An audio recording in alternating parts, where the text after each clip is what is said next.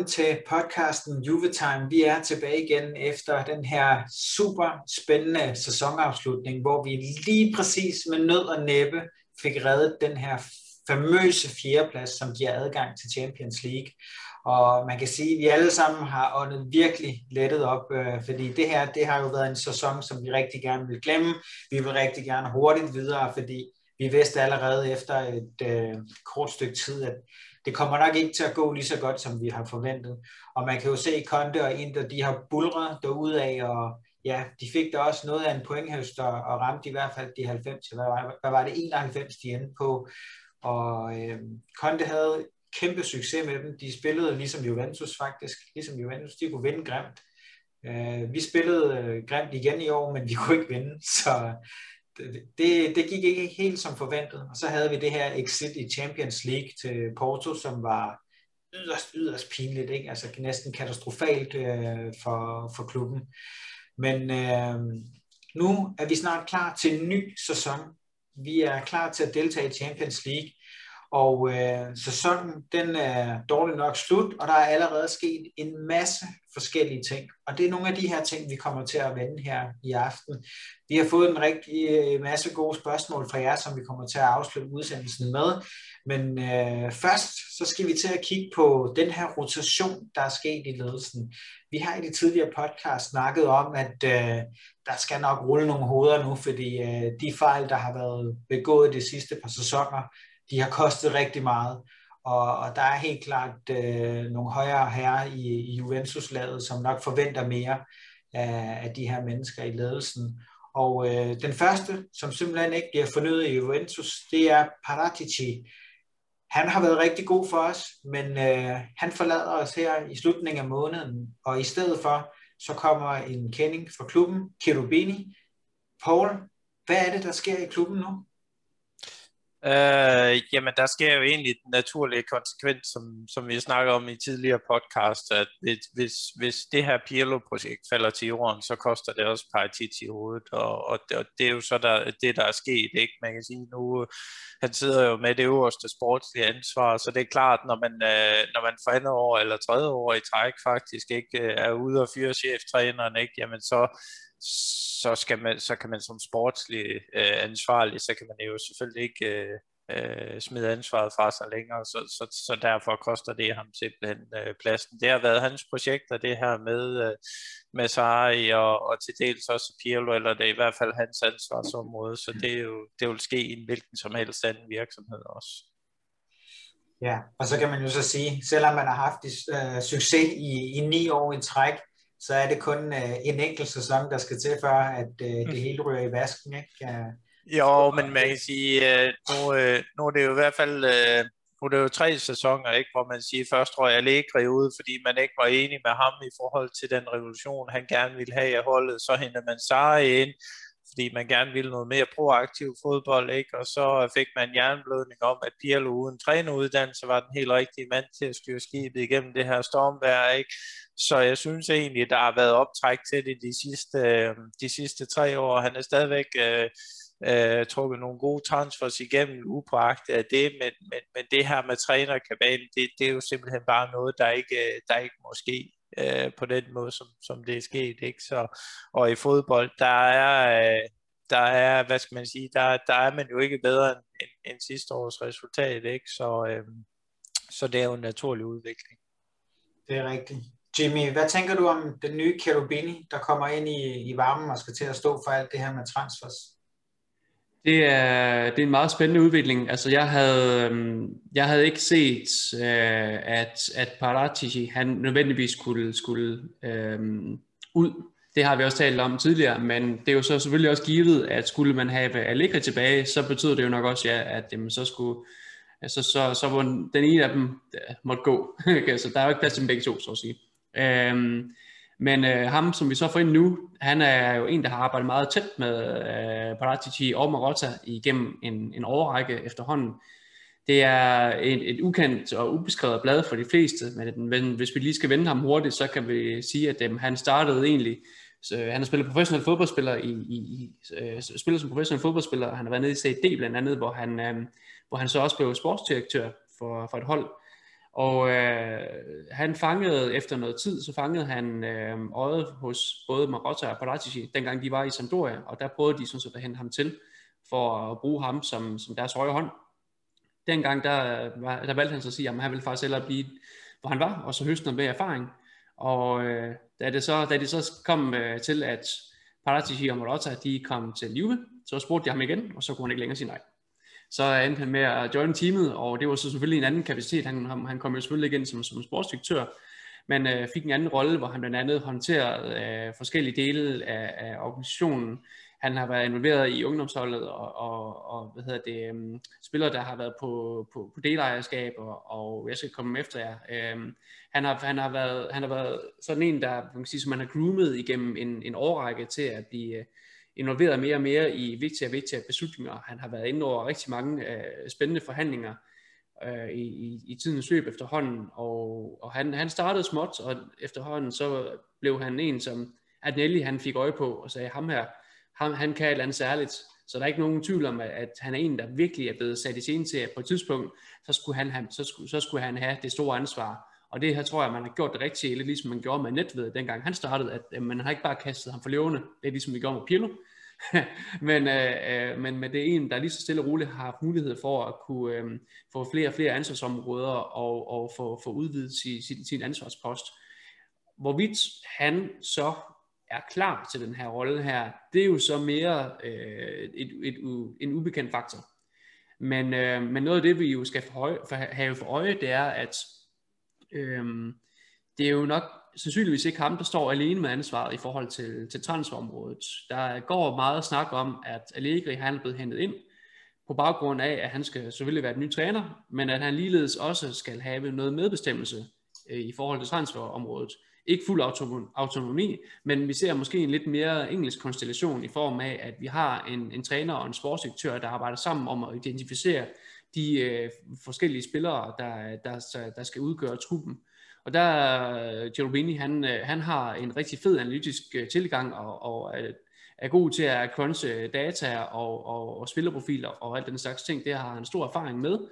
Øhm, så der tænker jeg, at de kunne være godt match i med, at Allegri han har en klar idé om, hvilke type spiller han gerne vil have til hans spilkoncept.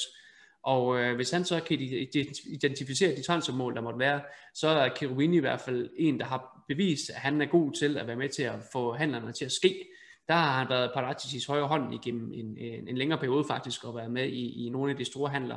Så det er ikke en, en uerfaren herre, vi får ind som sådan. Han har varetaget rollen som sportsdirektør tidligere, bare på et, et mindre plan.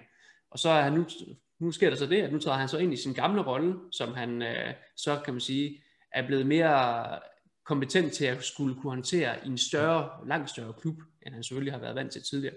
Så, så alt i alt synes jeg, at det er en, et spændende valg, men det er ikke uovervejet, så som, som man nu ellers kunne tro. Jeg tror, at folk, og inklusive mig selv, øh, godt kunne blive sådan lidt, oh, jamen i og med, at det er, det er et ukendt navn, så tænker vi, at det nu bare endnu en pilo, man laver, og der må mit svar igen være så, nej, bestemt ikke. Jeg tror, det her det er meget velovervejet, og man har virkelig set på de resultater, han har produceret igennem de, de seneste mange år. Mm. Men er det et gamble? Fordi øh, det var vel det samme, man sagde om Paratici, da han overtog for Marotta. Han overtog den jo selvfølgelig ikke en til en, fordi vi manglede jo stadig en CEO, og det kommer vi lige tilbage til. Men øh, hvad tænker I? Er det et gamble, eller er det en velovervejet beslutning at hente Cherubini ind? Altså, jeg synes ikke, det er gamble. Øh, jeg synes heller ikke, at Paratici var gamble. Jeg synes, at som Paul er inde på, at han har, Paratici han har stået for nogle eminente handler. Øh, og øh, det er på trænerposten, jeg synes han, han hvor jeg er egentlig også igen kedeligt enig med Paul, at det er der han, han måske ikke har, han har lykkes med den vej han er gået. Jeg kan godt forstå den vej han er gået, mm. ikke med Pirlo, men, men, men starter jeg godt forstå det, jeg var ikke enig i det, men øh, men det er klart, at, at, at, at Chiovini, han, han er jo selvfølgelig ikke, øh, det er ikke ligesom at hive, øh, hvad hedder han, emoji ind igen, som, som kender, kender spillet og gamet og det hele, øh, som, altså, som, som han nu gør, men, men Giovini, han, han, har bare, han har alligevel også en stor know-how inden for det her område, fordi han har været involveret i alle de her ting her. Han har ikke været den, der har skulle være, sidde med det, med det sidste ansvar, men han, han har været involveret i alle de her processer som en sportsdirektør nu. Øh, en sportsdirektørs ansvarsopgaver, det har han været med til igennem øh, en årrække. Så, så det er ikke bare fordi, han kommer ind og ikke ved, hvad det er, der foregår. Han, han er udmærket klar over, hvad gamet det går ud på. Så jeg synes, at, øh, at, det, er, at det er et, et, et, et spændende valg. Jeg synes ikke, det er et modigt valg. Jeg synes, det er et spændende valg. Men hvorvidt han kan levere varen, det, altså det, det ved vi jo selvfølgelig ikke. Det vil tiden vise. Især hvis det skal være i samspil med Allegri, som er en ny øh, konstellation, som vi ikke rigtig har set i Italien sådan rigtigt endnu. Det er jo det, og Allegri skal jo også lige have lov til at lande, og det er jo også det, der kommer til at blive øh, det større samtale lidt senere, når vi kommer ind på Allegri. Men øh, man kan i hvert fald sige, at Cherubini er et super interessant valg, og vi skal da også se, hvad det er, han kan. Jeg har læst et meget sjovt rygte, jeg ved ikke, om I også kender til det, men øh, en af de handler, som han faktisk øh, har været en del af, som ikke blev til noget, det var faktisk den handel, man øh, prøvede at lave med Molde. Kan I gætte, hvem spilleren øh, det var, at han, øh, han kiggede på? Ja, Holland. ja, det var Holland, lige præcis. Der går rygter om, at øh, de havde scoutet Holland og var faktisk ret tilfredse med det, de så. Det var inden han røg til Salzburg faktisk. Og, og allerede dengang havde man et godt øje til ham. Og, og så sagde man så 5 millioner euro for en spiller, der er så ung. Han var relativt øh, dengang. Det vil man ikke give fra en Primavera-spiller.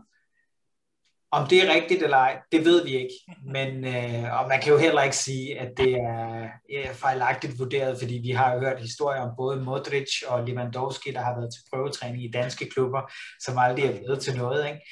Så, øh, så der er mange ting, der kan, der kan ske endnu.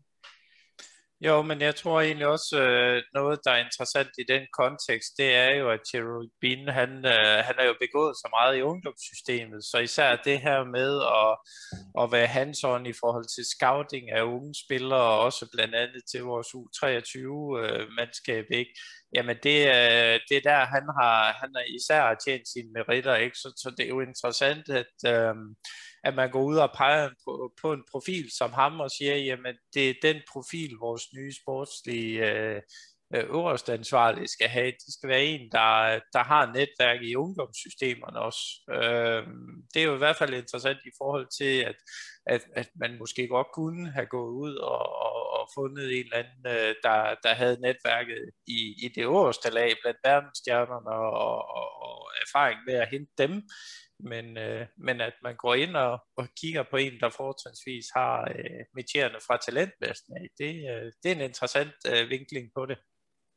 Man kan jo sige, at nu hvor vi er i covid-19-perioden, øh, hvor der ikke er ret til er, er særlig mange penge at gøre med, så er det måske også et, et, øh, et, et langsigtet øh, hvad hedder det, mm, hvad hedder det mål, man har for øje i forhold til, at man sætter en ind, der kan for relativt få penge måske kan være god til at hive nogle, nogle, nogle kommende profiler ind. Noget af det, som vi ikke har været gode til i lang tid, men som jeg må sige, at nu hvor, hvor, hvor økonomien den er, som den er, at det måske er en meget fornuftig vej at gå. I hvert fald en, der ikke nødvendigvis 100% skal fokusere på det, fordi vi er også nødt til at hive, hive være i stand til at hive kvalitet ind, der, der kan gøre en forskel fra dag et, men at den anden del, den ikke bliver negligeret, det synes jeg i hvert fald, at det er, det er et godt tegn.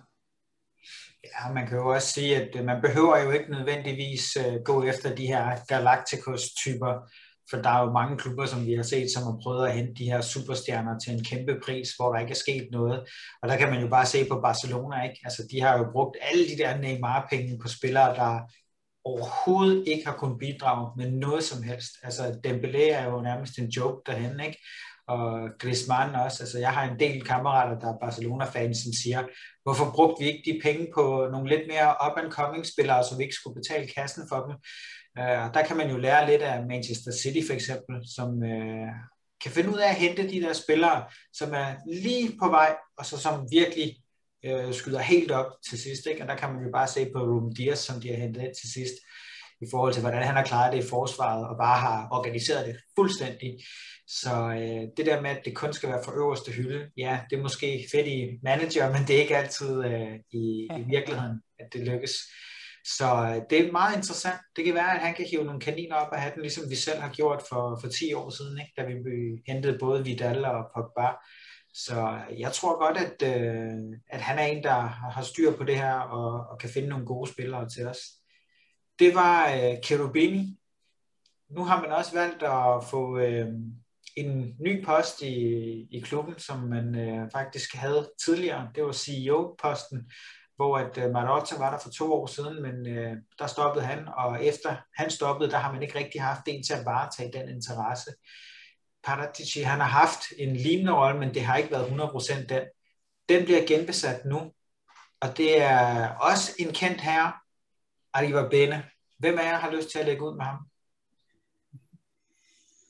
Ja, men altså, man, man kan sige, at folk øh, har spurgt noget i forhold til både på den officielle side og forum og så videre, hvem, hvem fanden han egentlig er. Altså, han sidder jo stadig, øh, han sidder jo allerede i bestyrelsen, ikke, og har har ekstremt stor erfaring fra, øh, fra en lignende post øh, hos, øh, hos Ferrari, ikke? Så, så han kommer med en masse erfaring inden for den her sports øh, underholdningsindustri og, og brænder for, øh, for racerløb, og så brænder han for, øh, for Juventus. Øh, og, og, og der, der kan man sige, at det indkapsler jo meget godt i forhold til den rolle, som han skal have. Altså, øh, de fleste fans tror, at alle dem, der sidder i ledelsen, de skal have de skal have fingrene helt ned i dejen i forhold til, hvad, hvad, hvad, hvad deres fodbold tager egentlig om nede på Grønsværen, ikke? og have en stor træneruddannelse, alle de der ting, men, men, men man glemmer, at der er en, en, en endnu større del af det, som Juventus jo netop har udviklet sig hen over de sidste par år, ikke? og det er jo den kommercielle forretning, hvor øh, Juventus efterhånden har, har forgreninger ind i mange ting i sports og, og strategiske samarbejder med, med baskethold og, og alle de her ting. Ikke? Så, mm. så, så der skal være en mand på, på, på toppen, som har erfaring med øh, industrien som sådan, det her sports entertainment industry, og så hele partnerskabet omkring den kommercielle del. Han behøver ikke nødvendigvis at have, have fingeren nede i, i fodbolddejen. Det er der øh, Cherubin, han, han, han så tager over. Ikke? Mm. Hvad tænker du, Jimmy? Er han øh, den rette til at tage CEO-posten? Ja, han er, han er super godt castet. Jeg blev mega glad, da jeg så, øh, hvem det var, de havde valgt til at, øh, at tage posten. Jeg, jeg må indrømme, jeg, må indrømme, jeg, kendte, jeg kendte ham ikke, da, da de annoncerede ham, men da jeg så så, hvad hans meritter så, hvad det var, han havde lavet øh, tidligere, så tænkte jeg, hold nu fast, det er en mega god idé, fordi hvis du, øh, hvis du har stået for at, øh, at skulle markedsføre et brand som Ferrari på verdensplan, så tror jeg ikke, at det er helt skidt at, at få ham øh, om, ombord vil sige, den, den, den business går jo alt andet lige sådan udmærket, i hvert fald i forhold til, til genkendelighed.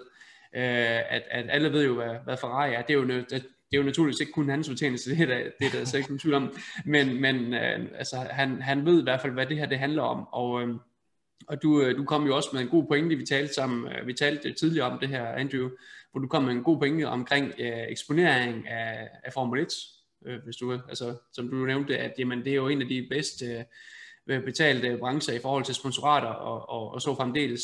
Øhm, så, så det synes jeg, det er en god point, du havde der, og, og må ikke, at han kan være med til at, at hjælpe med at komme et skridt længere op på, på den øh, kommercielle rangstige. Jeg ved godt, at det er noget, der, der skuer lidt i ørerne på mange fans, at, at, at vi, skal, åh, vi skal være brand, og ah, det, det er hammerende uromantisk. Ja, det, jeg kan godt følge, den, jeg kan godt følge resonemanget, og, og, og, og fodbold er ved at blive mere og mere en business, men det, vi er jo nødt til at følge med. Øh, vi er nødt til at følge med tiden, fordi hvis vi gerne vil klare os økonomisk og kunne følge med de andre store klubber rundt omkring, og man gerne vil have den Champions League pokal, det, det tror jeg ikke, der er nogen, der kan undsige sig, at det vil alle vil gerne have, så er vi også nødt til at kunne, kunne, kunne følge med som forretning. Og der tror jeg, at, at han har noget know-how for, for Formel 1-branchen, og for fodboldverdenen, som Paul siger. Han har jo siddet i bestyrelsen længe, øhm, at han skal nok kunne, kunne øh, løfte den opgave rigtig, rigtig godt. Det er jeg slet ikke i tvivl om. Og det er vigtigt, synes jeg, at man får en mand ind, der fuld, fuldt ud kan varetage den rolle.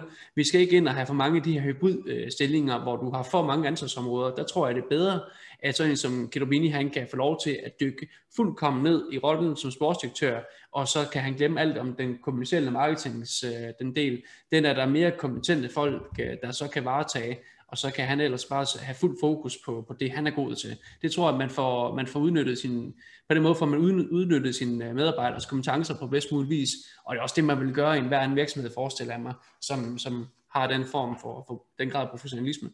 Så øh, det er mit take på det. Jamen helt enig. Altså man sidder også lidt med følelsen af, at nu henter man altså A-holdet fra øh, de interne rækker til at overtage og siger, prøv at venner, nu smører vi lige armerne op, ærmerne op og virkelig får sat den her biks i gang. Og det man også kan sige med Adiba Bene, det er, han har også repræsenteret Marlboro som også er et af de bedst brandede mærker i, i hele verden. Ikke? Øh, så, øh, og hvis man tænker det der med brand, kig på en klub som Manchester United, altså se på deres resultater, men se hvor populære de er. Ja, altså det brand, det betyder så meget. Altså det, det kommercielle aspekt har al verdens betydning.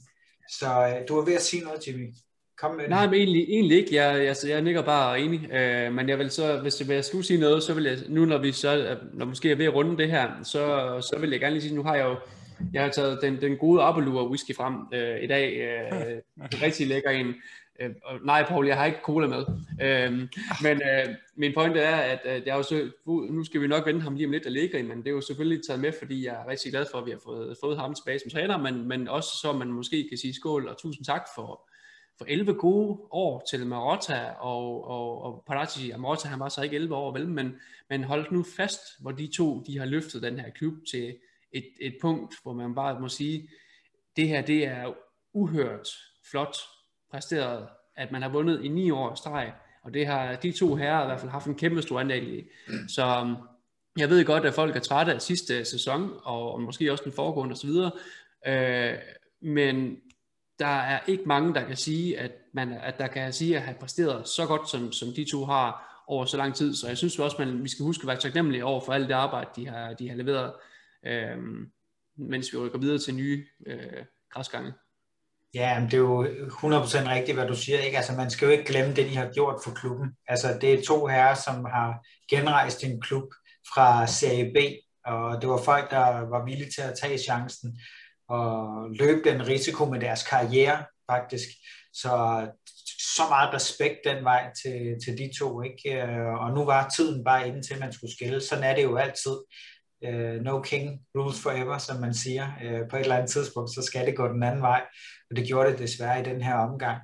Så to nye ansigter er budt velkommen til Juventus, som alligevel har været kendte, men nu er de i hvert fald kommet ud øh, blandt øh, de ansigter, som vi kommer til at se meget mere til i, i fremtiden, i hvert fald den her sommer, kan man sige. Og så går vi videre til det helt store emne. Det lå lidt i kulissen, at øh, Pirlo skulle skiftes ud. Der var rigtig mange navne op at vende. Der var Zidane, der var sensationel comeback til Conte. Der var Deschamps øh, også comeback til ham. Øh, og så var der så også et øh, navn, der gjorde lidt ondt i maven. Ikke? Det var Gattuso, så hvor der også var flere medier, der var begyndt at fortælle, ja, men han har jo gjort det rigtig godt i de forskellige klubber, og han har den rigtige mentalitet. Så, så jeg var faktisk sådan lidt nervøs, da jeg begyndte at høre hans navn. Og så var der selvfølgelig også nogle interessante navne, som øh, Inzaghi, som nu er hos Inter, Øh, og så var der også, øh, ja, hvem var der egentlig mere, som også var de der, Gasperini, som der også var, øh, som var også var interessant, men øh, om han er Juve-kaliber, det, det er lidt svært at sige, fordi når man får et hold til at præstere, som overpræsterer faktisk, det er en ting, men kan man så få topstjerner til at præstere på, på det niveau, som man gerne vil have, det er aldrig en garanti. Men Jimmy, det er din elskede Massimiliano Allegri, der er kommet tilbage. Hvor glad er du lige nu? Om jeg er super glad. Jeg, jeg sad og vinede som en lille teenage da jeg så nyheden. øh, nej, øh, altså hvis, jeg må jo sige, at øh, hvis man husker tilbage fra de podcasts, vi lavede øh, for, for nogle år siden, dengang at vi, vi skilte veje med ham, der, der tror jeg, at, at både Thomas og, og, og Paul og jeg var meget enige om, at det var nok på tide, fordi vi, vi synes ikke, at det her, at det her ser godt ud med at ligge igennem det sidste halvandet års tid. Øhm, dengang, hvor han varslede, at jamen, der skal altså ske noget med den her trup, der, der er behov for, øh, at der bliver skiftet ud simpelthen. Der er noget, der er noget metaltræthed, og det er vi nødt til at rykke på. Mm. Og øhm, jeg kan huske, at jeg dengang tænkte, ah, det er da en rimelig god trup, vi har. Er det, er det nu ikke det? Øh, og, og Paratici og, og, og Company, og, og nok også Marotta, de har jo nok også tænkt sit dengang, altså det endte jo med, at, at han ikke var der længere. Øh, og det var så Paratici, der trykkede på aftrækkeren, fordi det var ham, der havde ansvaret der. Men øh, ja, man må jo bare sige, at historien viser, at det var ham, der havde ret. Altså, han, han har jo haft ret i det, han, han har spottet allerede dengang, han har set noget, som der ikke var nogen andre, der så. Mm. Og, øh, og det er også derfor, jeg egentlig er fortrystningsfuld ved, ved tanken om, at, at han kommer til, og måske skal egentlig have noget medbestemmelse i, i forhold til det, spil, indkøb af spilmateriale. Øh, fordi han lader jo til at have et godt øje for, for tingene, og øh, i, i den kapacitet, der tror jeg, at han kommer til at kunne gøre os, øh, gøre os noget rigtig godt. Og øh, som træner i forhold til det spillemæssige, jamen der er jeg egentlig rimelig fortrystningsfuld også, fordi hvis vi ser på, hvordan han har præsteret, jamen han har ramt to Champions League finaler med to forskellige, fuldstændig forskellige midtbaner. Mm. Det er flot. Øh, vi, må jo, vi må jo også erkende, og det er jo noget, vi, har, vi alle sammen har snakket om i, i årvis, det er, at, at den MVPP midtbane, som, som vi havde dengang, den var jo fuldstændig vanvittig, og så egentlig stadigvæk kunne ramme en Champions League finale uden, uden, uden den konstellation. Pogba han var med, ja, men mm. uden den konstellation, det er, det er altså også imponerende. Øhm, så så jeg, jeg, jeg tror lidt, at hvis, hvis, hvis vi nu ser på det scenarie, der, der kunne være, hvis det nu rent faktisk kommer til at ske, at Relega han får tid til at forme truppen efter det, han egentlig, sådan, hans vision, den, den ligger, så tror jeg på, at han nok godt skal kunne løftes op til et punkt, hvor vi godt kan komme ind og så se nogle Champions League finaler igen, eller, eller i hvert fald noget i den stil. Øhm, vi har en sindssygt talentfuld trup lige nu, men, mener jeg, og jeg synes helt klart, at den er til langt mere, end det vi præsterede sidste år, øh, eller det er til forgangne sæson nu her. Og øh, med det i mente, så tænker jeg, at, at, at han er en, der virkelig er god til at få noget ud af både de unge spillere, det har han vist særligt i AC Milan, men også i Juve med Morata og Dybala. Locatelli, bare lige for at nævne en.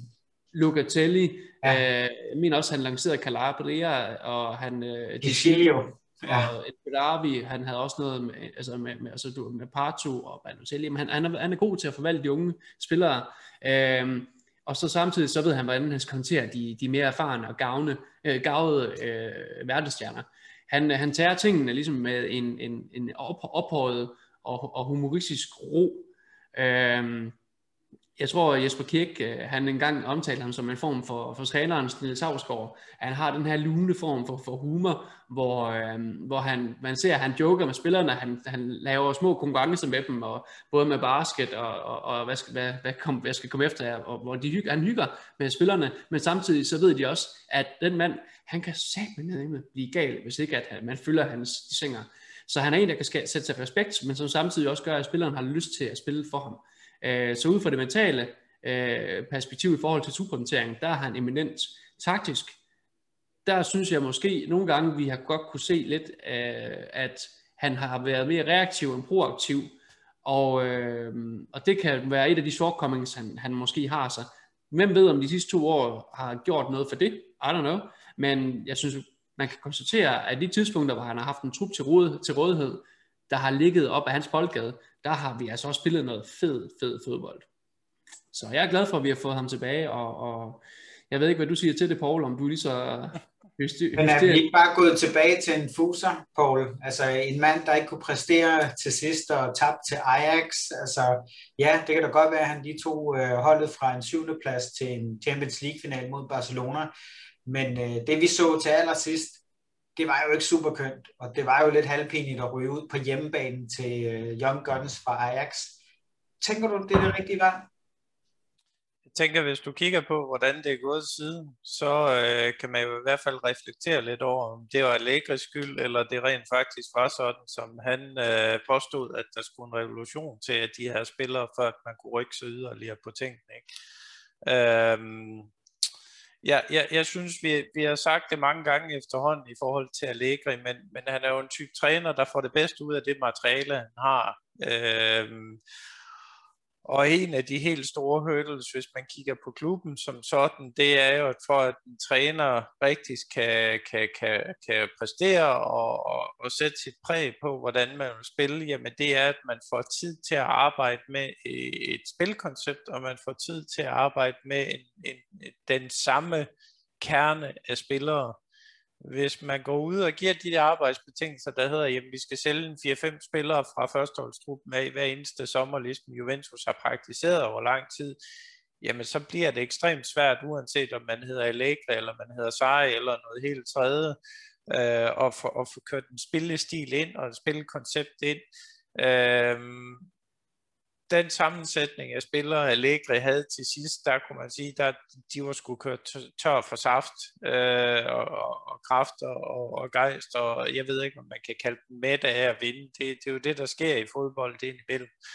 Øh, så derfor skal man have en kontinuerlig udskiftning af, af, af spillerne, så, så de forbliver sultne. Ikke? Det er ekstremt svært at skabe i, øh, i en fodboldklub, og der er en fin balance imellem at sige, at man har en kontinuerlig udskiftning, men man har ikke så stor en udskiftning, at man rokker ved, ved, ved DNA'et i det spilkoncept eller det spilmateriale, man, man ligesom har. ikke. Øh, så, så jeg synes øh, umiddelbart, så, så er jeg ekstremt stor øh, Allegri-fan i forhold til shortcoming, som, som Jimmy nævnte.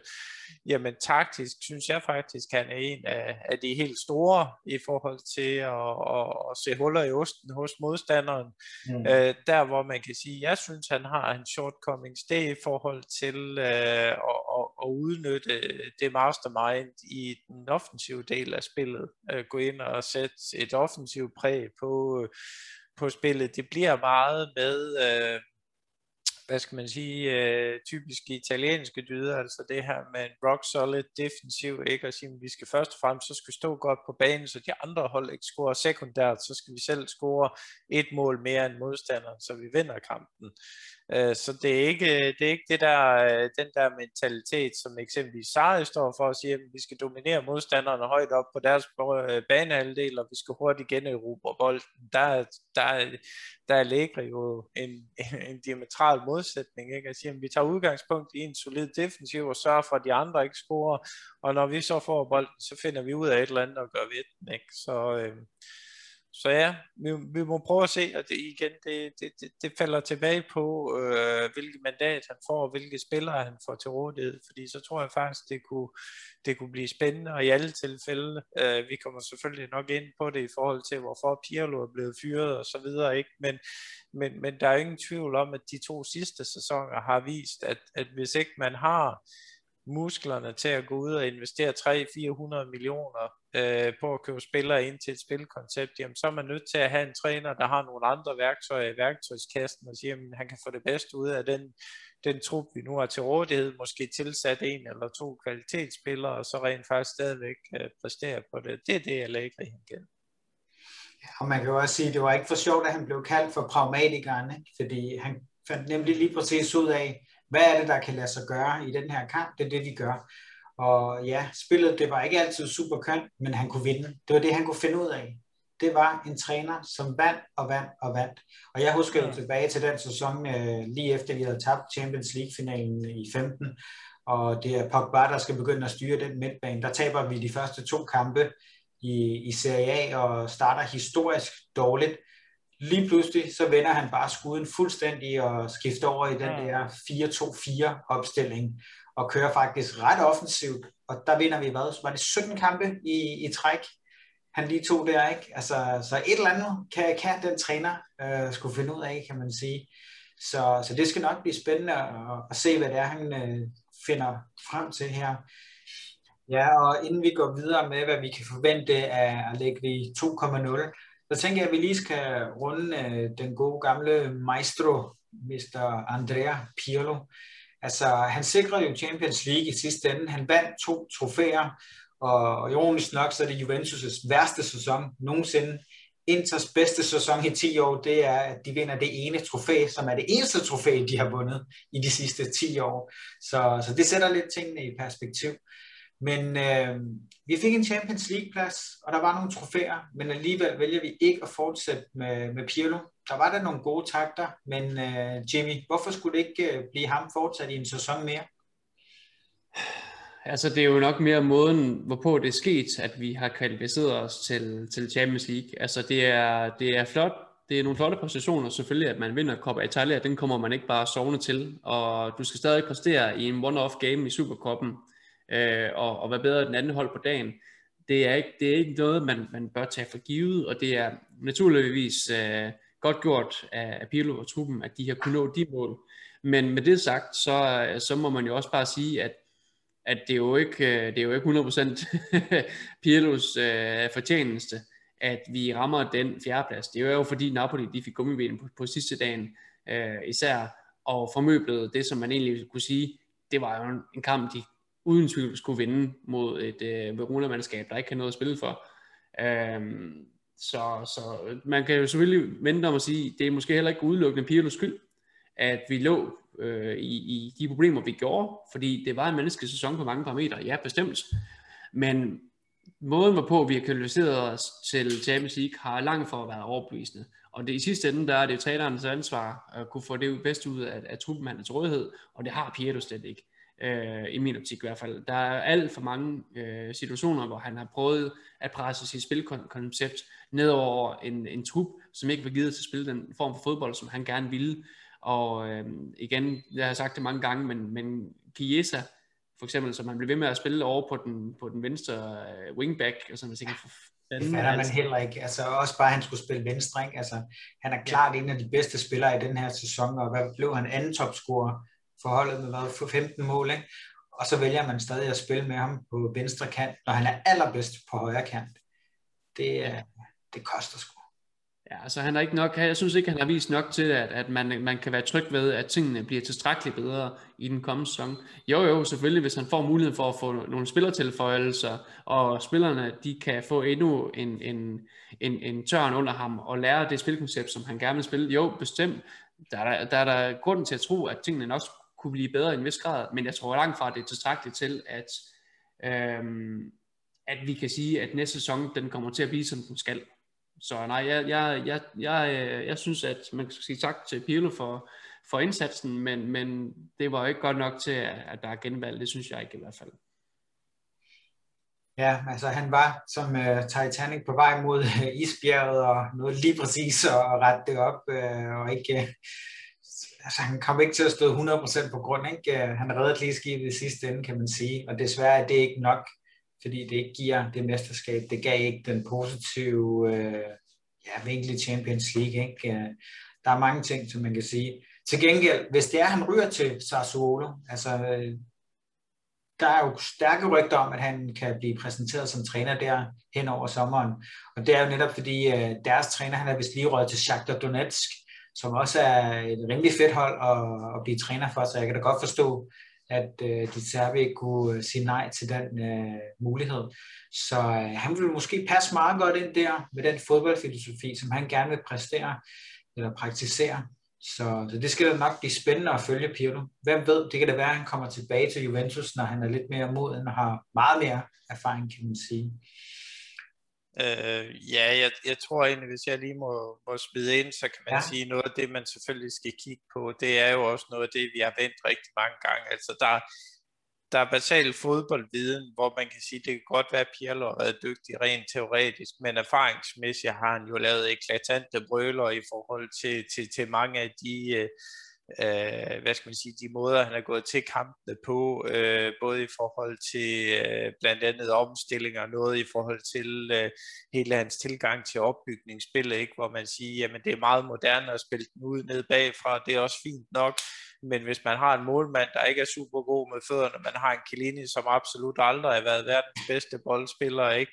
Øh, og, og, ja, og, og, og så øh, man, man, man fastholder og siger, at man spiller med to centrale midtbaner, hvor ingen af dem egentlig kan vende på presset. Der er ingen af dem, der er det her, man kalder en holding midfielder, altså en god sekser, der kan tage imod bolden, fejlvendt, vende på presset og spille bolden ud af preszonen jamen hvis, hvis man insisterer på at have sådan nogle tilgang til, øh, til, til, til kampen, ikke, jamen så får man aldrig nogensinde det succes, fordi så prøver man at presse holdet i en retning, hvor man siger, jamen du har simpelthen ikke spilleren til at spille på den måde, du vil spille på, øh, og, og, og, og, og, øh, og, så har vi set flere gange eksempelvis sådan noget som restforsvar på vores øh, standardsituationer, hvor øh, vi jo havde en kamp mod Roma, ikke? Jamen så har, øh, så la, har man en eller anden frispark op midt på deres banehalvdel, ikke? Og så har man Chiellini tilbage som bagerste mand, mens Roma skubber tre hurtige forårets frem, ikke? Der skal om kamp med dem. Jamen det er jo en hjerneblødning uden lige at sige, hvordan fanden kommer man frem til, at det er den, det er den smarteste konstellation med, med Romas tre hurtige løbere, ikke? Og, og det er simpelthen bare basale begynderfejl for en træner, der aldrig har sat fod på, på, på, på sidelinjen før, og selv har skulle stå med de der ting og taget stillinger til de der ting. Så der er langt fra at sige, at det kan godt være, at han var ekstremt visionær som, som øh, register på holdet, ikke, og kunne sætte de andre op, men, men når man selv står og skal, skal bygge taktikken op og sige, hvilke folk har jeg til rådighed, og hvordan passer de bedst ind, og, og alle de her konstellationer, man skal tage stilling til, ikke, jamen så, øh, så skal man bare have noget mere erfaring for, hvordan man går ind og sætter øh, de her forskellige blokke sammen, alt fra opbygningsspil til generobringsspil til afslutningsspil og så videre, ikke? Og, og, og der må vi bare være ærlige og sige, at der er jo ikke nogen, der har kunne se en retning på det, Pierre ville. Jo, man kunne godt se, at han har ændret noget på opstillingen, men konceptuelt, så er der ingen, der kan gå ind og sige, hvordan er Pirlos spillestil? Det har jo bare været en stor rode misær, ikke? hvor man siger, at det sejr, han kom med, det var jo skønspil ved siden af. Så, øh, så, så jeg tror, det, det, det, det er især ud fra den betragtning af at sige, at lige nu, der ligger det hele og ruder rundt i en eller anden gryde uden noget koncept, hverken defensivt eller offensivt, og, og vi er ekstremt afhængige af Ronaldo scorer 30-40 mål hver eneste øh, sæson, ikke? Jamen skal vi have stabiliseret det, skal vi have bygget fundament, så er vi nødt til at, at, at, at sige, at Pirlo, det er ikke nu, fordi det har du simpelthen ikke værktøjskassen til at kunne gøre. Det har Allegri til gengæld. Det var noget af det, der var sjovt faktisk i forhold til det opbyggende spil med Pirlo. Der, der kom han ud og lavede en udtalelse på tidspunkt i medierne omkring noget af det, han søgte, at spillerne de skulle, de skulle præstere og gøre i kampene. Hvor jeg tænkte, det er fandme dumt, det han prøver at få dem til at gøre. For det, det han udtalte i interviewet, det var, at jamen, han gik rigtig meget op i, at uh, i den formation, man spiller i den opbyggende spil, uh, altså i, i den offensive spilfase, jamen der, der stiller vi jo i en 3-5-2 med, med wingbacks, en, øh, en Takatista, to, to hole midfielders, og så øh, tre midterforsvarer, hvor to af dem var, var halfbacks, der så rykkede op og så skabte overtalssituationer på midtbanen. Men det han jo ville have dem til at gøre, det var, at han ville konstant have dem til at smide bolden ud på kanten. Han ville hele tiden have, at vi skulle have nogle, øh, nogle øh, hvad hedder det, midtbanespillere, der ville kunne slå bolden hurtigt videre ud til kantspillerne og sætte dem op i, en, i mand-mod-mand situationer, så de kunne udfordre manden direkte, og så skabe nogle farlige situationer på den måde. Øhm, det var blandt andet det, han kritiserede Arthur for, en af være årsagerne til, at han ikke ville bruge ham meget. Det er, fordi han Arthur han havde for mange berøringer rundt. Han spillede nogle gange lidt for, for meget tiki-taka, hvor Pirlo han sagde, at du skal simpelthen være rolig til at slå den ud til, til kantspilleren, så de kan udfordre direkte. Øh, problemet er bare, at med den tilgang, jamen så har du hed og bank med nem at lukke ned for. Undskyld mig. Fordi hvis du konstant flytter, øh, flytter bolden ud på kanten, jamen så er du hammerne nem at isolere, særligt hvis ikke du har den dygtige mellemrumsspiller, der så skal kunne være med til at trække ud, og så skal hvad hedder det, skabe de, de, hvad hedder det, de farlige løb, de små kanaler, og rent faktisk vide, hvad man skulle kan med bolden, når man så endelig modtager den. Det har vi ikke haft.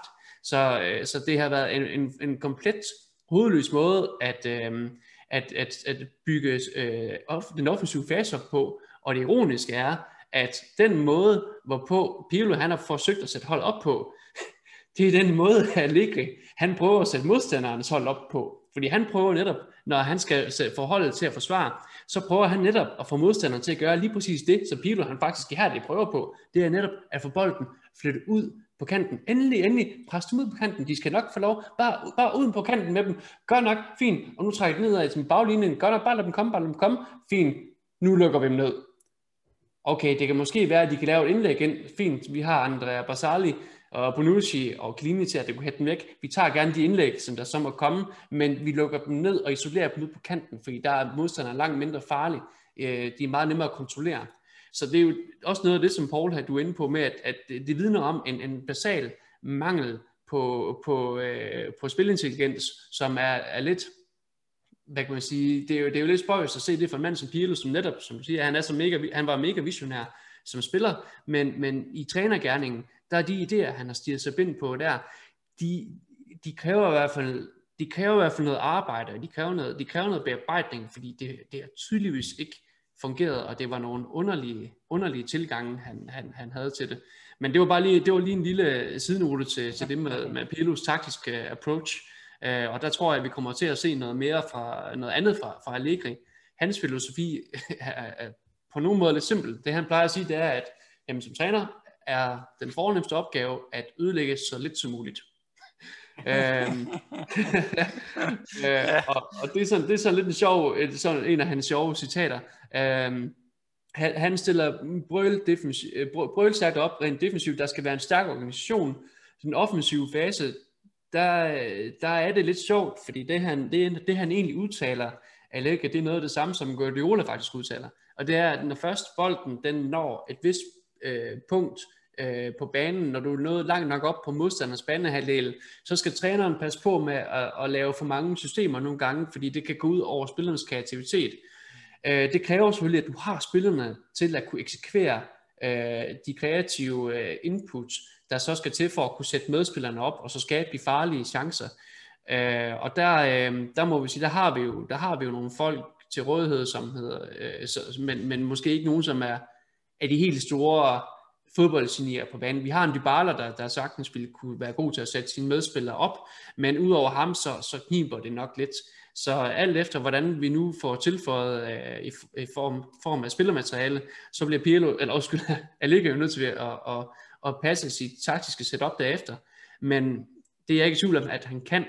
Så, så det, men det er i hvert fald, øh, det var også en lille anekdote om, om hvordan Allega han ser det. Han ser også at kontrollere kampene på en anden måde. Han, han mener ikke, at boldbesiddelse er lige med at kontrollere kampen, og det synes jeg jo et eller andet sted godt, at man kan, en udtalelse, man kan både angribe og forsvare, men øh, lad os nu se, hvad han får ud af det.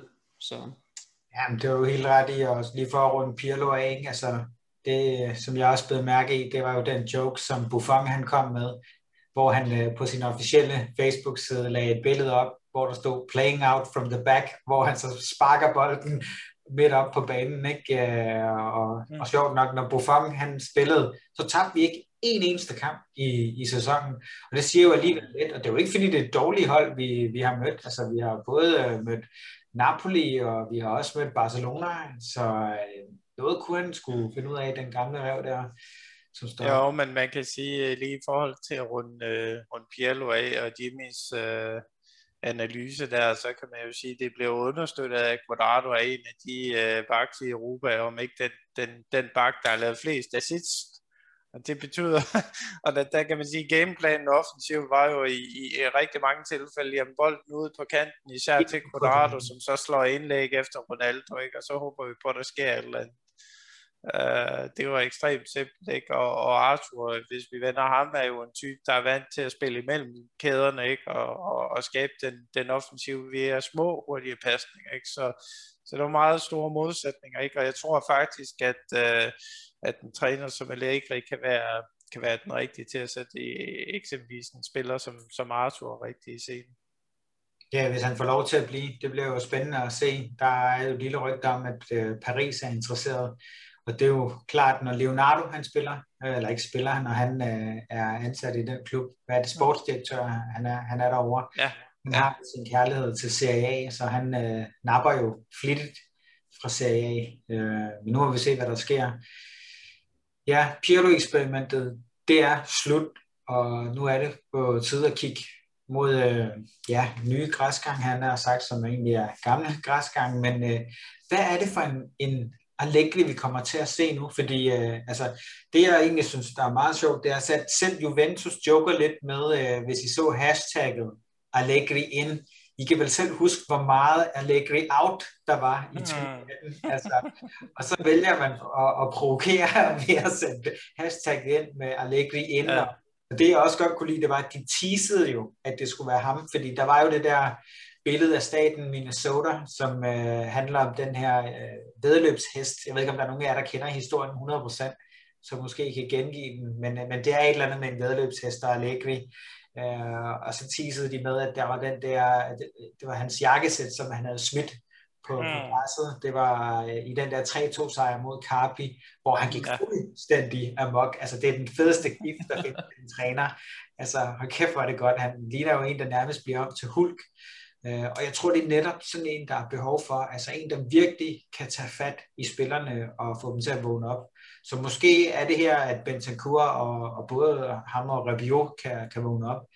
Men Allegri 2.0, hvad, hvad bliver det? Han har haft to år nu. Han har måske vidst fra start, prøv at jeg tager sgu ikke noget nyt trænerjob, jeg skal nok komme tilbage. Hvad kommer der til at ske med Allegri nu? Jamen, det er et godt spørgsmål.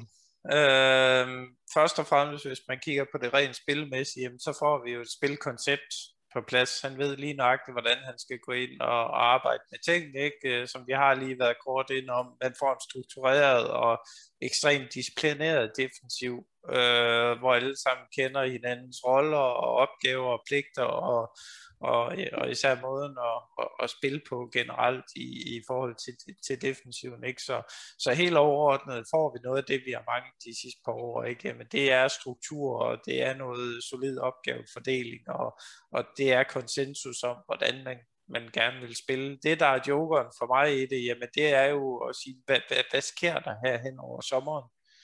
Hvad er det, klubben vil? Ikke? Nu kan man sige, nu har de været ude og, og ansat øh, Cherubini og, og Rivabene, ikke? Og, og, og at det, det lyder til i pressen, jamen så, øh, så skal Allegri have en lidt mere øh, sigende rolle i forhold til, hvad der sker på transfermarkedet. Øh, alt de der ting, den synergi, der opstår der, jamen den, den, den mangler vi lidt at få sat noget konkret på og sige, hvad, hvad, hvad er ambitionerne for klubben? Hvad er strategien så nu? Nu er det jo ikke bare Allegri 2.0, nu er det Juventus øh, revamped ny strategi, fordi Paratici, der har sat strategien de sidste 11 år, jamen han er ude af filten nu, hans øh, projekt de sidste tre år er faldet til jorden, ikke? så nu er man tilbage et eller andet sted og skal have en ny definition på, jamen, hvad er retningen nu, hvad er retningen de næste tre år. Så, så inden vi begynder at spekulere alt for meget i, hvad Allegri 2.0 er for noget, jamen så, øh, så skal vi spekulere i, hvad, øh, hvad Juventus øh, øh, efter corona her, efter øh, Partici, efter ja, Marotta til dels også. Det, det, det får vi svar på nu, fordi nu er ledelsen ude, ikke? Og, og, og, og Netflix er jo egentlig den eneste tilbage i den der tendens, der, der, der var der, ikke? Så, så der er mange flere spørgsmål, end, end der er svar lige nu, hvor, øh, hvor, hvor øh, det, der handler om Allegri 2.0, selvom det, det, det måske er meget svarende udenom, jamen det skal jo strømme op fra, øh, fra strategien af, hvad øh, bestyrelsen og ledelsen ligesom, øh, ser det her Juventus, det skal udfolde sig som. Og så har vi jo hele det her Superliga-affære, ikke, som, som vi ikke kender enden på endnu. Hvad fanden sker der der? Så øh, ekstremt mange spørgsmål, og jeg har meget få svar på det. jeg kan jo selvfølgelig sige, at, øh, at, at, øh, at, at um, Allegri, han er jo 100% Agnellis valg, og en af hans rigtig, altså både en af hans personlige venner, men også sportsligt, så er han jo en af hans øh, store favoritter. Um, det var jo ikke ligefrem Agnelli, der, der, der 100% var ham, der ville have Allegri ud dengang, uh, han, dengang han, han røg. Mm. Øhm, han har selvfølgelig været, været en del af beslutningsprocessen, men, men det har ikke været ham, der har presset på for, for ham ud, så at sige. Øhm, det, det for mig vidner om, at, at i og med, at man laver den her, denne her nye konstellation, øh, som man nu har gjort, øh, så tror jeg, det skal gå meget, meget galt, før at man ikke ser, at Allegri, han er der de næste, i hvert fald de næste tre år, tænker jeg. Det, det skulle undre mig rigtig meget. Han er blevet udstyret med, med en stor kontrakt, at hvad 9 millioner han får om året, eller, eller sådan det er, altså Øjo, det er, det er en kæmpe kontrakt. Mm. Um, ja, det er fire år, han har fået, ikke? Det er fire år, fire år ja. Um, og jeg, jeg tror lidt, at man måske vælger at sige, jamen Allegri, han, han er Juventus de næste fire år i hvert fald. At det er ham her, vi, det, vi satser på, at han skal, han skal bygge det her projekt op fra, fra rødderne af. Cherubini og company, de skal understøtte det her projekt her. Jeg tror, det er Allegri, han er simpelthen den nye frontfigur for at få det her til at køre. Øh, det, det, det er jeg slet ikke i tvivl om. Og øh, man kan sige, det er et eller andet sted også meget, meget sundt. Jeg synes, det er en sund tilgang, at man siger, nu er vi nødt til at have noget kontinuitet på trænerposten. Det har vi ikke haft i lang tid. Og så skal man også have et sikkert kort at sætte ind.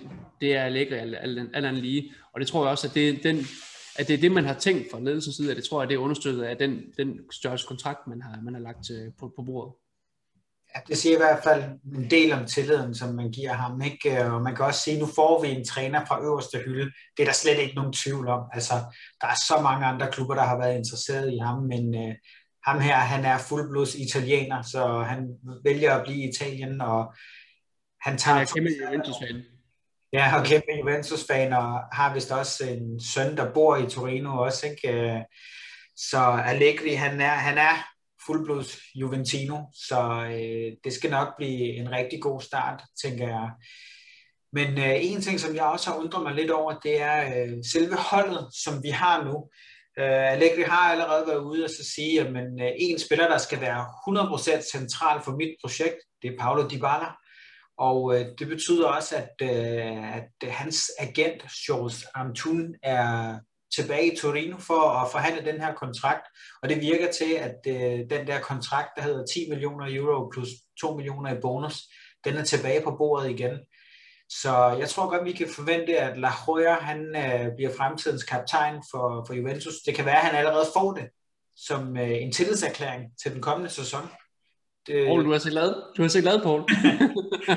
Ej, jeg, har, jeg har også haft lidt, øh, jeg har som jeg også ved, jeg har i hvert fald også, haft min, min klare forbehold for, for Dybala og været meget træt af ham i år, på grund af det her, hele det her øh, hejs med, med kontrakten, hvor han i min optik har krævet en alt for høj løn. 15 millioner euro, krævet en alt for høj løn i forhold til, at han har siddet ude hele året. Ja, han var MVP sidste år. Flot, flot, flot klaret. Ingen tvivl om. Øh, der tog han virkelig ansvar. Øh, men, men i år, oven i en pandemi, øh, situation, hvor der ikke er nogen, der har nogen som helst penge, hvor han ikke har leveret noget som helst, at han så går ind og så siger, at jeg vil have 15 millioner. Og jo, den var virkelig uskøn, og når man så også tænker på det støj, der har været uden, uden for banen, øh, det, er blevet, det er blevet mindre, og det er blevet mindsket, men, men der ja, så... Har man ikke hørt far i en periode nu? Hun... Nej, der, der har været, der, nu har der været lidt ro på nu her, kan man sige, noget tid, men, men der, har, der har været en, en del, og der har også været noget i år, men, men for, uh, det, han, han skal, hvis han skal være en, en, en bærende del af projektet, så skal han godt nok også, øh, så, så det, det, det er han ikke rent mentalt i mål med endnu, synes jeg ikke, men men igen, her sidder man jo som en anden mandagstræner, og vi, vi kender jo ikke manden direkte, ligesom som øh, den sportslige ledelse, Agnelli og Allega, de gør. Altså hvis man kan jo så sige, jamen, hvis der er en, der vil kunne finde ud af at, at, at, at handle, ud fra mentalt synspunkt, handle øh, Dybala, så er det jo nok et ikke det, det vil han godt kunne, kunne håndtere. Øh, det, altså, Dybala har jo også haft sine bedste sæsoner under netop Allegri, ikke? Altså, vi så jo, hvordan han blomstrede. Sarri, Sarri vil jeg så sige, måske øh, var, var god også, men, men jo, der har der været. Ja. Men, men, men, men jeg synes, han var bedre i, i 15, altså, og i 17 også, altså, da vi nåede Champions League-finalen i de to år der. Det er jo i hvert fald øhm, min mening i forhold den del. Ja, øh, jeg vil nok lige gå i rette med dig, Andrew. Øh, hvad hedder det? Øh, Allegri har altså ikke udtalt noget. Det er medierne, der har spekuleret i, at Dybala skal være central for ham. Og lurer mig om ikke det er en historie, hans agent måske har blandet, fordi nu trænger det sig altså på, at der skal en kontakt på bordet, ellers så, så skal der jo ske noget andet. Ikke? Det, det er jo det der spil, der foregår, ikke? Men, men man kan sige, hvis en træner går ud og siger det, så er det et ekstremt dårligt forhandlingspunkt for, for, for klubben. Ikke?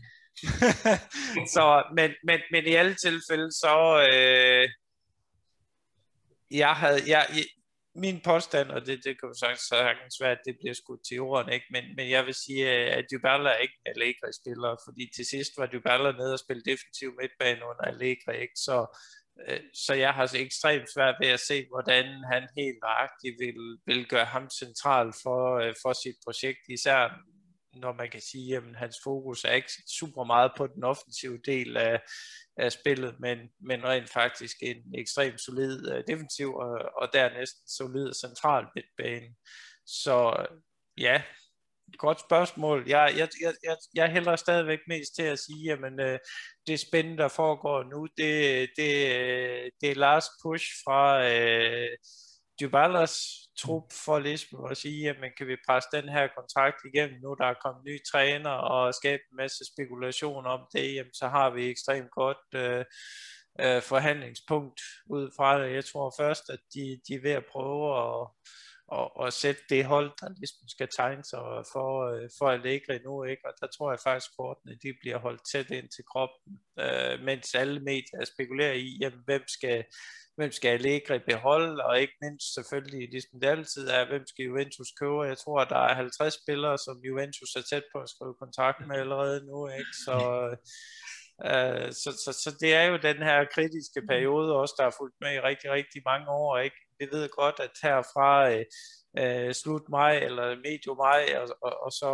øh, så fremad ind til vinduet lukker, ikke? Jamen, der tager spekulationerne bare til, ikke? Og og i, i hvert fald i Juventus øje med, så kommer der ikke til at ske det store, før at vi efter 30. i 6. når regnskabsåret ligesom er lukket, ikke? med mindre vi skal have nogle salg, og det skal vi jo formentlig have den næste måneds tid, for ikke at lande et, et, et større underskud end nødvendigt der, så der kommer nogle salg, der kommer måske nogle, nogle byttehandler, og lurer mig, der, der kunne, der kunne Dybala faktisk godt indgå i, i en af dem, hvis man skal have et eller andet ud af det, ikke? Måske øh, øh, noget PSG igen, Øh, der render stadigvæk i Icardi rundt dernede, som jeg drømmer meget godt om. Så jeg tror, at faktisk Dybala eller Ronaldo kunne jeg sagtens se bytte med øh, Icardi, eller også så Ronaldo bytter med Pogba i United, er min spot om.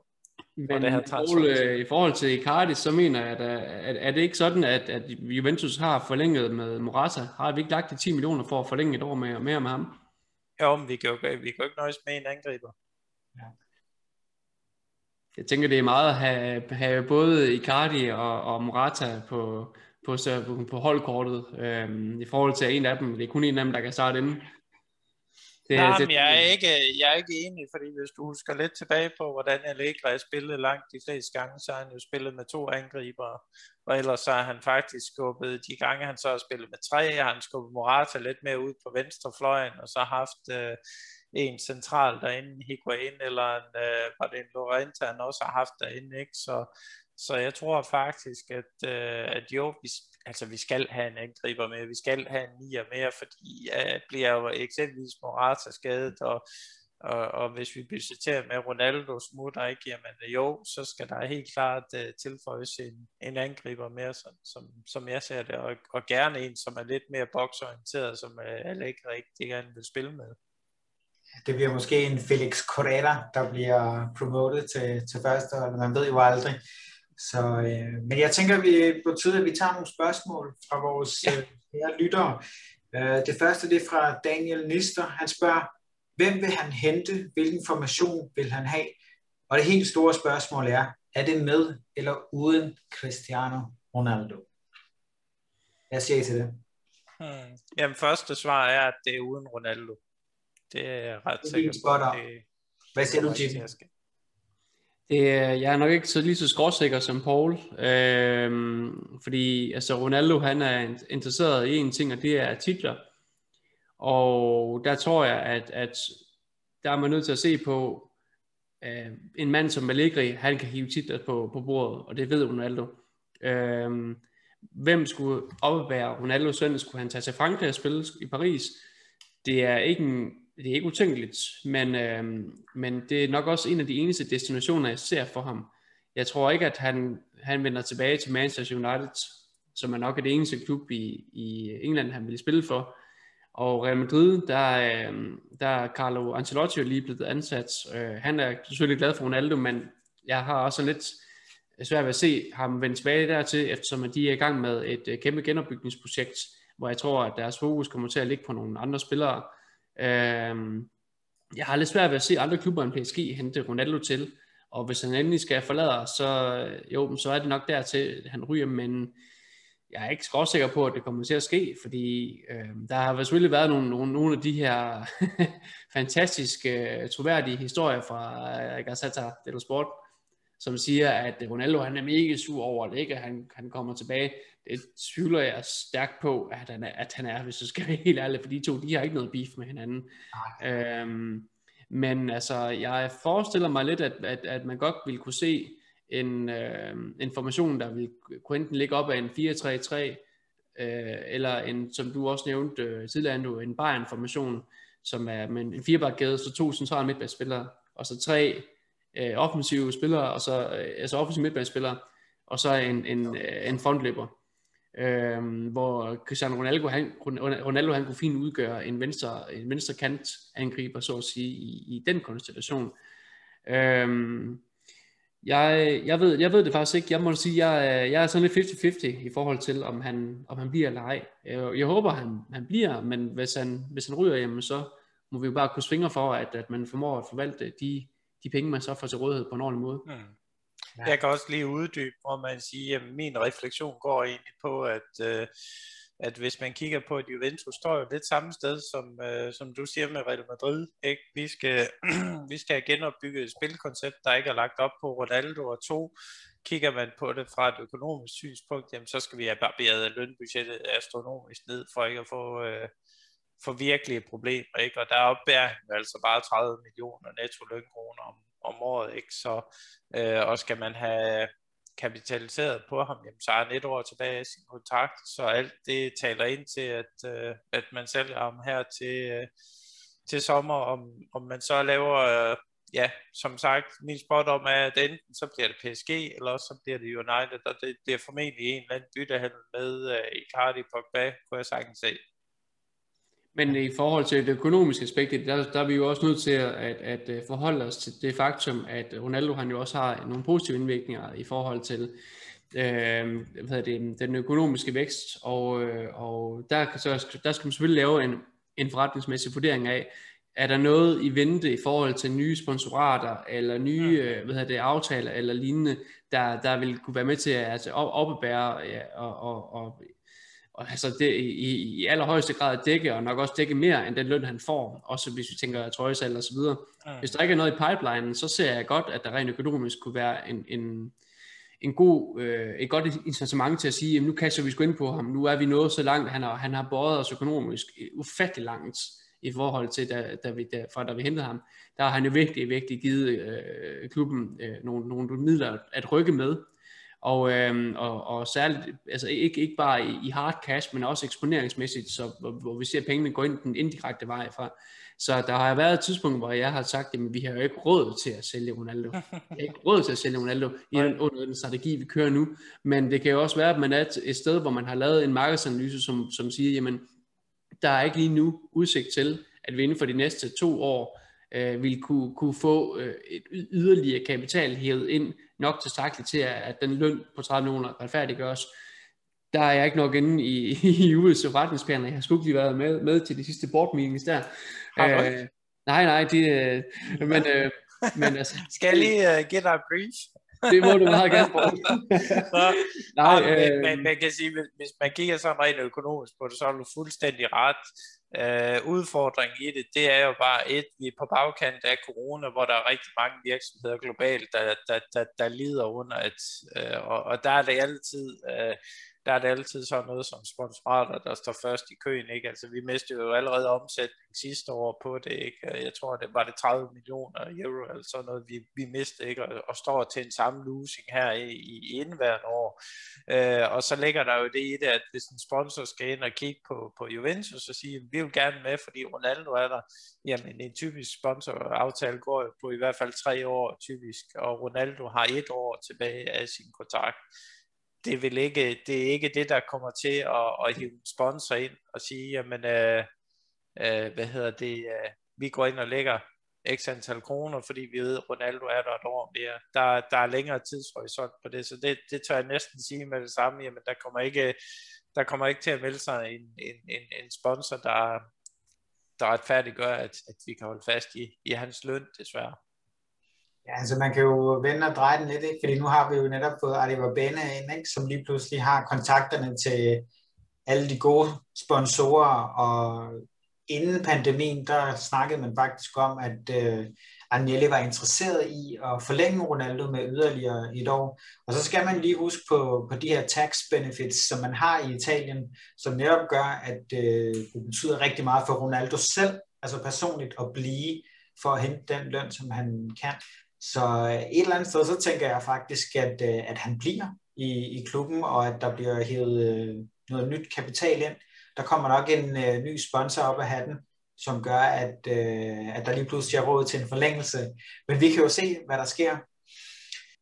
Men det bliver i hvert fald spændende at se, om Ronaldo han bliver, fordi jeg tænker, at det, det bliver afgørende for, hvordan hele transfervinduet kommer til at se ud. Fordi hvis han smutter, så skal vi i hvert fald have to nye angriber ind. Ikke? Vi mangler en i forvejen. Mm.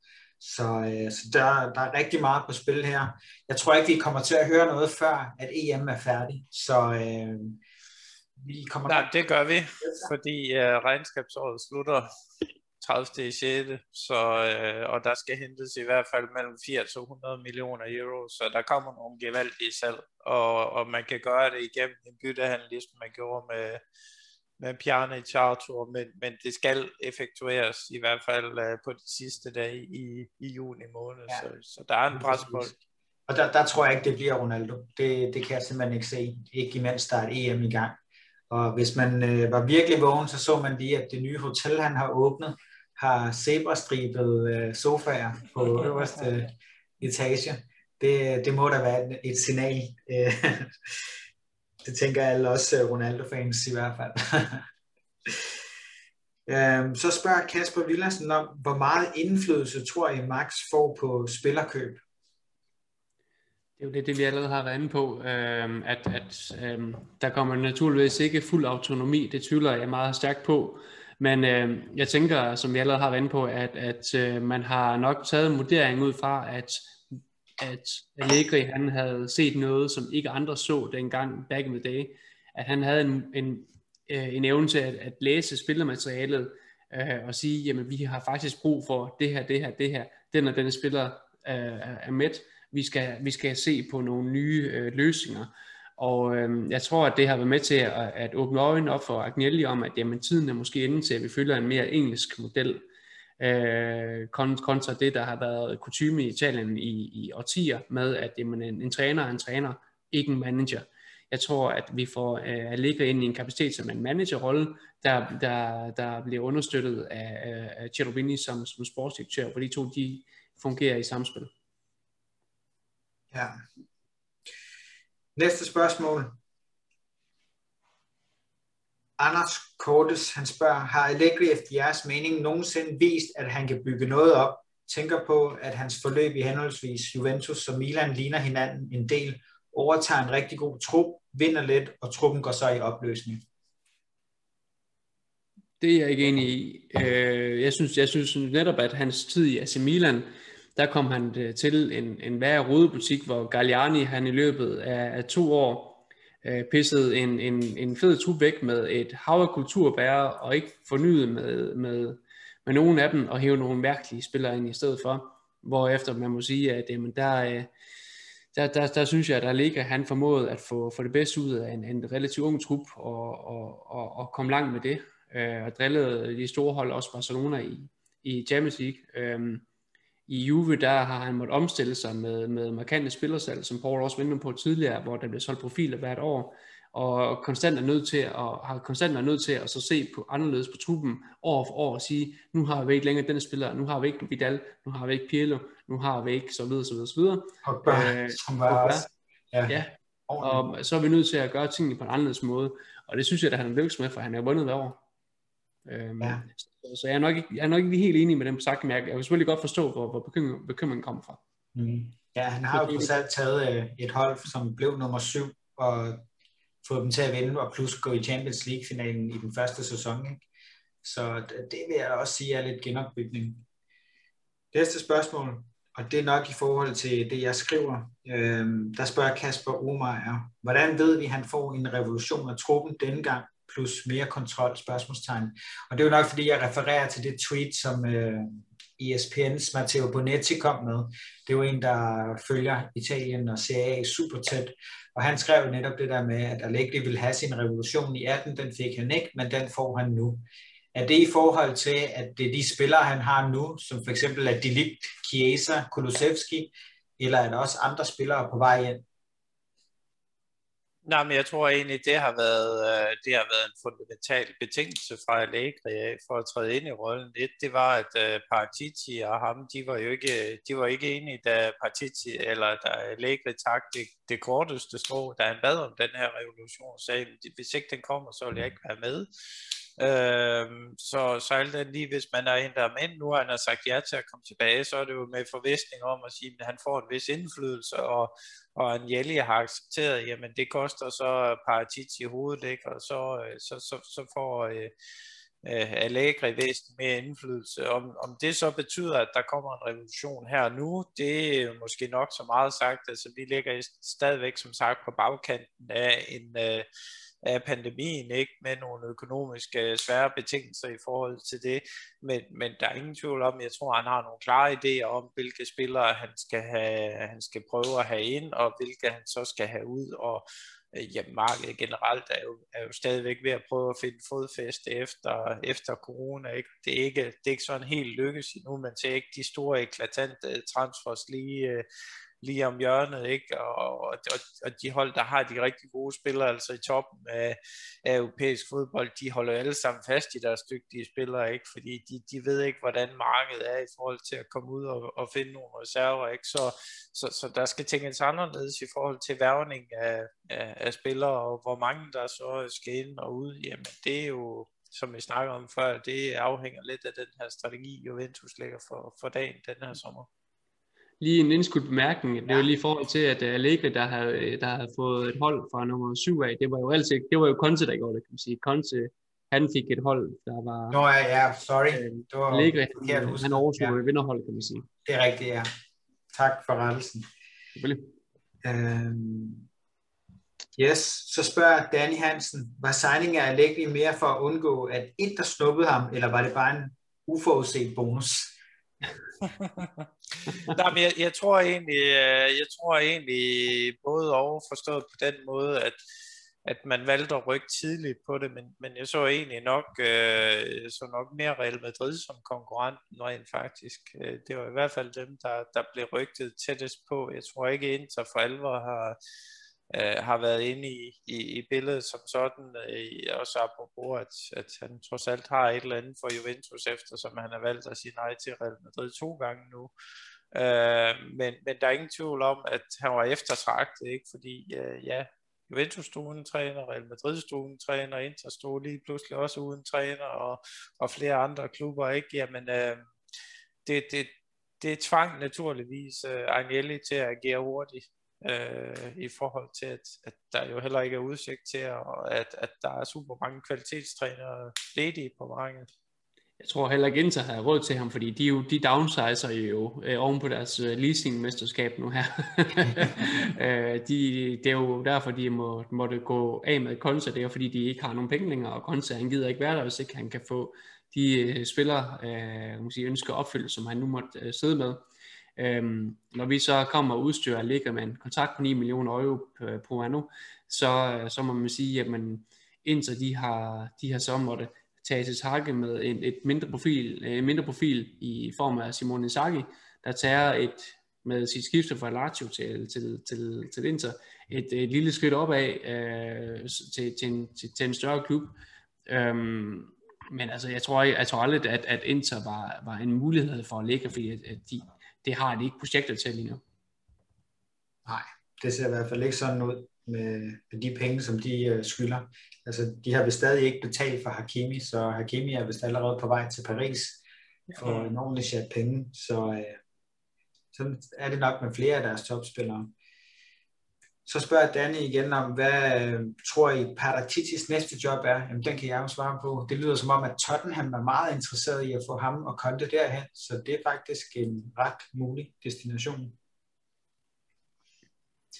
Og så spørger Christian Poulsen her, ikke fodboldspilleren, men jeg er lidt i tvivl angående Allegri. Tror I, at Allegri spillede kedeligt gammeldags italiensk, fordi han ikke havde muligheden for andet med truppen sidst, og nu hvor det er mere magt til Allegri, får en mere moderne offensiv hold. Jeg har stor beundring for Allegri, men de sidste to sæsoner med ham var hårde at kigge på. Det, har vi også været lidt inde på, og hvis man skal citere Fabio Capello, så, øh, så, så, så sagde han jo, at øh, noget af det, han godt kunne, kunne lide en, øh, en fodboldtræner i stand til, det er jo at, at man bruge de, bruge de druer, man har til rådighed. Øhm, til at, at lave det, man, man, man nu har at gøre med. Og der øh, han siger, at hvis du ikke har, har de rigtige druer så laver du jo ikke champagne for eksempel. Øhm, så, så, laver, så laver du en anden form for, for produkt ud for, for, for det, så laver du en anden form for vin, og det er jo der, hvor, hvor Allegri, han, han er i stand til at, øh, at forme sin, sit spilkoncept efter de spillere, han har til rådighed. Og de, de år, hvor det har set støvt ud, jamen der, der har det jo selvfølgelig været produkt af, at han ikke har haft de spillere, som, som han måske havde førhen i de sæsoner, hvor vi spillede mere sprudlende. Øhm, og så nok også, øh, så har det jo nok også været et, et biprodukt af den vitalsakthed, som han har, som han har allerede, som han nu så varslet. Øhm, så jo, der er nogen, der kalder Allega for mand, der spiller sten eller fodbold. Det er jeg ikke enig i. Øhm, jeg tror, han spiller, han spiller de kort, han har på hånden, og spiller dem godt. Ja. Så tager vi et sidste spørgsmål. Det er Frederik Busk, der spørger, og det er i forhold til Paratici, der er væk, og hvordan den sportslige ledelse vil blive sammensat. Jamen, det har vi jo været lidt inde på. Men han spørger her til sidst, kan man forvente, at Allegri får indflydelse på sammensætningen af den sportslige ledelse? Der bør altid være et tæt samarbejde mellem manager og den sportslige ledelse.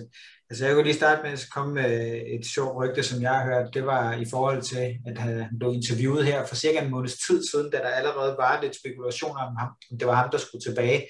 Hvordan er dine relationer til ledelsen der? Jamen altså, så nævner han jo, at han har en god relation til Agnelli og Netvet øh, og så videre. Paratici, ja, der var faktisk ikke så meget at sige. Og det er sjovt nok ham, der ikke er der længere. Ikke? Øh, så man ved jo godt, hvem der har stået for hvad i, i klubben.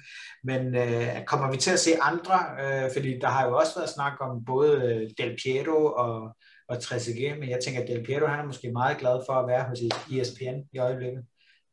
Jeg tror, hvis jeg skal komme med bud, altså selve ledelsen får han ikke nogen indflydelse på. Man kan sige, det er ledelsen, der jo reelt ansætter ham øh, og Thierry Rubini og Arriva Beni er, er jo hans direkte chef, ikke? Så, så den del kommer han ikke til at få indflydelse på, men jeg tror, at han hiver Basali ind på sit trænerteam.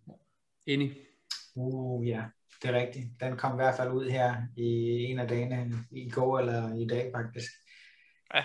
Barzagli, han de, var er, de er meget tætte personlige også øh, relationer, ikke? så, så det, det, den tror jeg faktisk på er, er rimelig gangbar.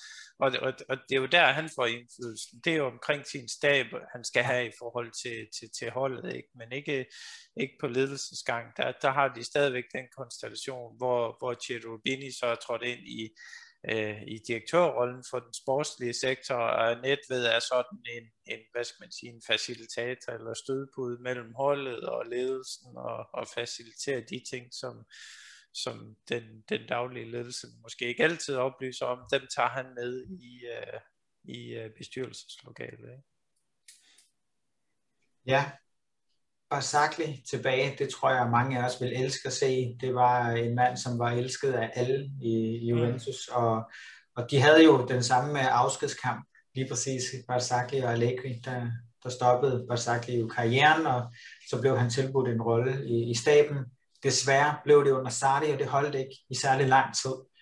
Så, så han stoppede kort efter igen, hvor han lige fik uh, moduleret lidt på Quadrado, så han kunne hjælpe ham med at blive den der wingback der, som man gerne vil have, som både havde den offensive og defensive tilgang. Så der går stærke rygter pt. om, at Barzagli er ved at vende tilbage til, til rollen.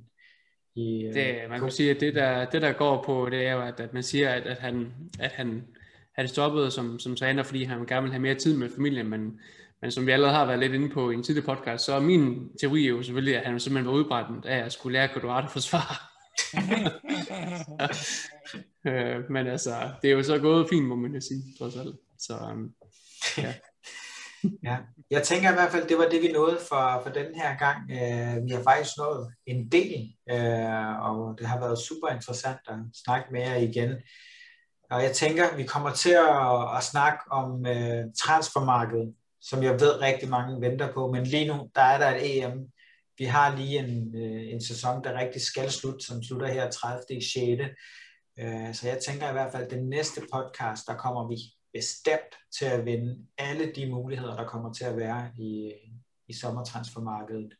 Så jeg vil bare sige tusind tak for, at I deltog igen, Paul og Jimmy, og tusind tak til lytterne, og folk skal være velkommen til at kommentere eller stille yderligere spørgsmål til nogle af de ting, som vi har snakket om så sidder vi i hvert fald parat til at, at svare eller uddybe nogle af de her spørgsmål, der har været. Tak for den her gang. Hej. Jo, tak. tak.